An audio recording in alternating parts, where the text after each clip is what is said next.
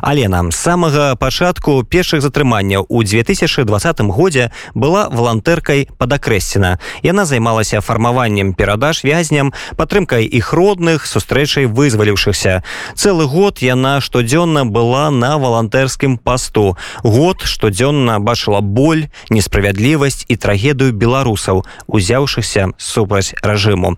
А потым адчула што хутка прыйдуць і за ёй. Алена з'ехала ва ўкраіну дзе працягнула дапамагаць дапамагаць беларусам зараз праз вайну алена у польше. І тут яна кожны дзень на валантэрскай працы. Бо валантэр гэта не пасада покліш сэрца. Слухайте размову мужнай і спачувальнай алены з маёй калегай аленай прыходзька у падкасці неверагодная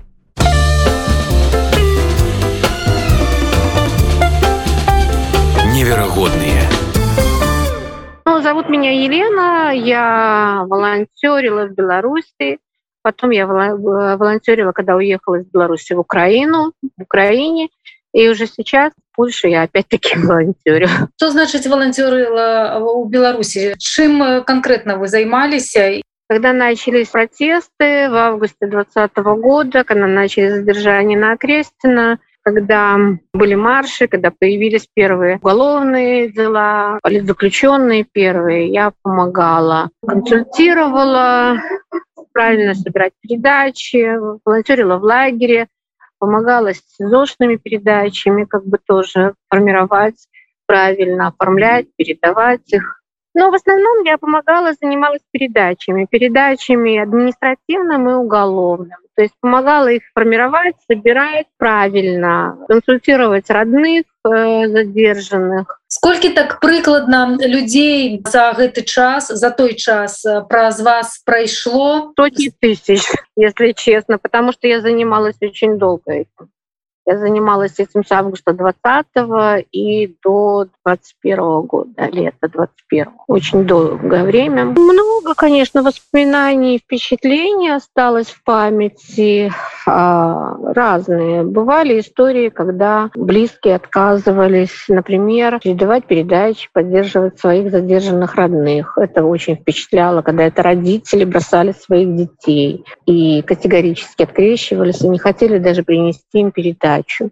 Были тяжелые случаи, когда задержанные, например, однажды принесли медицинские препараты и всякие приспособления в передаче, там, катетеры и так далее. То есть сказали, что человек недавно перенес операцию. К тому же очень впечатляли всегда истории, когда были ну, людей не выпускали, а перезадерживали дальше. И вот это происходило раз за разом. И вот видеть этих родных тоже которые ждали, что их родных выпустят, а их не выпускали.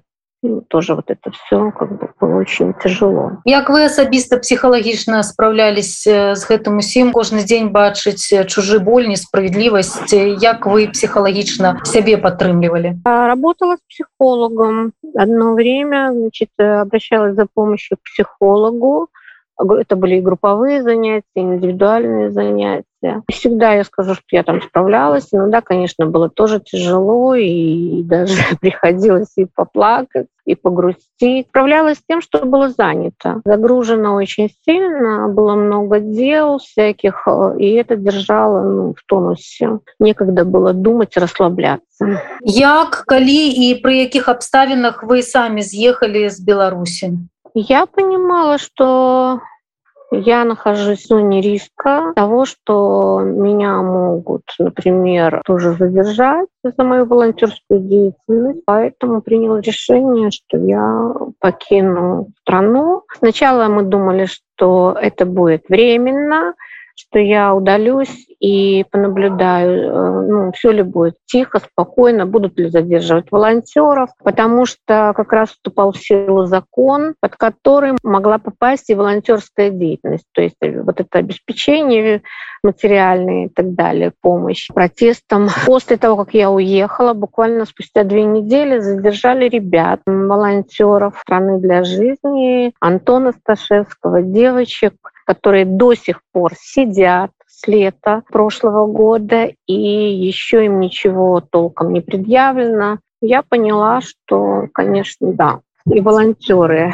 находятся в большой зоне риска, и ну, решила, что я уже, наверное, не смогу возвращаться в безопасную страну. Чаму вы абралі Украіну месцам э, свайго такого притулку? Украина близка по духу, как русскоговорящее население, менталитет людей. Мне всегда нравилась эта страна, и ее люди, и ну, для меня, например, когда я рассматривала возможный вариант отъезда, то для меня всегда почему-то это была Украина. Я там себя чувствовала очень комфортно. Очень хорошо меня приняли, и я, приехав туда, поняла, что я все равно не могу сложить руки и бросить начатое в 2020 году, не доведя до конца дела, поскольку у нас еще ничего не сменилось, не произошло, поскольку как задерживают, так и задерживают людей каждый день. Режим как был, так и существует, репрессии как были, так и остаются. То есть я активно активно стала помогать белорусам беженцам в Украине уже.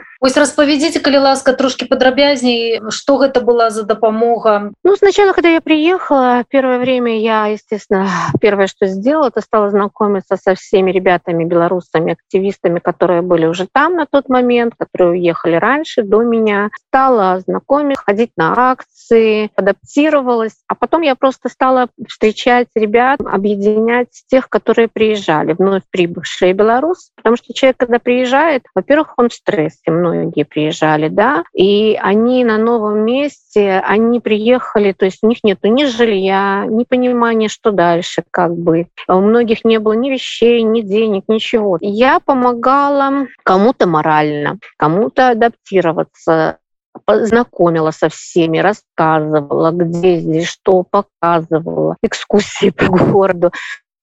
Ну, то есть как бы немножко их э, приводила если так можно сказать, в чувство, поднимала их моральное состояние, настроение, говорила, что, ребята, все хорошо, все не так страшно, как вам кажется, и вот посмотрите, вот тут вот люди, вот тут вот есть такие организации. Рассказывала о той помощи, на которую они могут рассчитывать в Украине, рассказывала про и Free Беларусь центр, и про варианты, где можно найти жилье, ночлег, если кому-то негде было ночевать, мы где-то искали, куда пристроить, кого-то надо было встретить, кому-то помочь вещами, а кого-то просто даже покормить. Позже уже, когда я сама адаптировалась там и сделала себе вид на жительство, мы, у нас была зарегистрирована организация ОДСДЖ, общественное движение «Страна для жизни», зарегистрировано в Украине, гражданская ГОшка.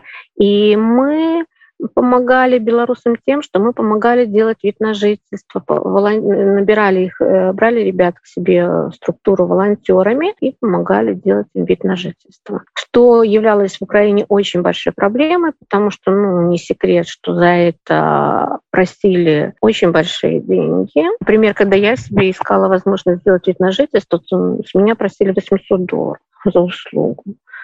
А здесь мы просто как бы помогали белорусам ребятам.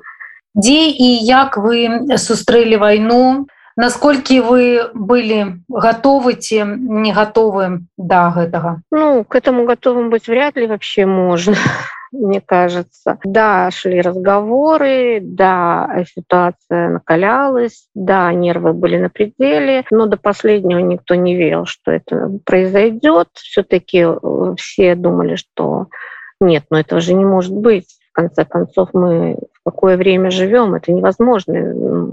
Попугают, поговорят, но любой здравый мыслящий человек просто не мог в это поверить. Первые бомбежки, когда начались, я бы находилась в Киеве. Это было сразу страшно и растерянность была непонятна. Как бы приходилось мобилизоваться и думать, как, как быть где ночевать, как прятаться, куда безопаснее, как выехать, э, например, из Киева в тот момент, когда было тяжело эвакуироваться. Нам удалось эвакуироваться из Киева на электричке. Мы выехали в сторону Хмельницкого, жили в Винницкой области. В эвакуационном центре нас разместили в школе. Мы там жили абсолютно бесплатно. Потому что не секрет, что у белорусов большая проблема была в Украине. У нас с началом войны заблокировали все карты у всех нерезидентов, и все деньги, которые были на картах, они заблокированы. Поэтому, конечно же, мы были отрезаны просто от э, финансовой какой-то защиты. То есть тут какие наличные были деньги, то и было, у кого они были. Белорусские карты тоже не работали. Поэтому мы жили в эвакуационном центре. Естественно, мы не просто жили сложа руки, вот на всем готовом, и как бы ну, дали кров, покормили, все. Мы, естественно, хотели как-то чем-то быть полезными, помогать, отблагодарить и поддержать, и, в принципе, что-то сделать для страны, которую мы полюбили, которая стала нам вторым домом, в принципе. И эти люди, и эта страна, и, в общем, боль — это все, трагизм всего происходящего, он для нас точно так же в наших сердцах отзывается огромной болью, как и у украинцев. Поэтому мы быстро сразу же нашли у местных, чем мы можем помогать, чем, что мы можем делать полезного. В центре организовано плетение сеток маскировочных для блокпостов, отправляли в разные, ну, где, где была потребность, э, запрос. Поэтому все местные, и мы вместе с ними ходили, плели сетки маскировочные. А потом, куда вы рухались далее из Винницкой области? Ездили во Львов, Киев, приезжала по делам. И потом уже понимала, что ну, потихоньку кто-то выехал и не смог вернуться, кто-то просто уехал. У меня были дети одни, я, мне пришлось как бы выехать в Польшу. Но с первого дня, как только я уехала сюда и приехала в Польшу, я пошла сразу же волонтерить. Опять-таки на склад гуманитарной помощи, где помогают и белорусам, и украинцам.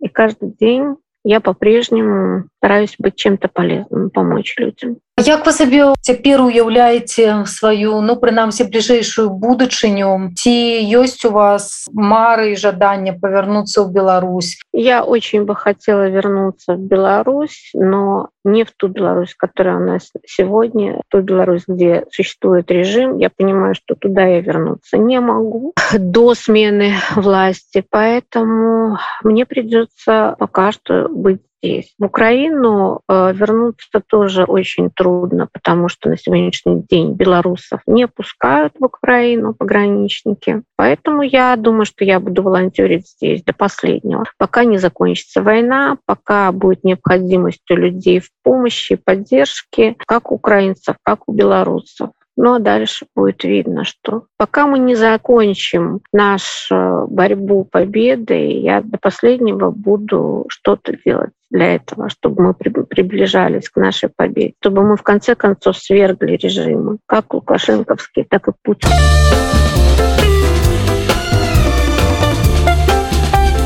Невероятные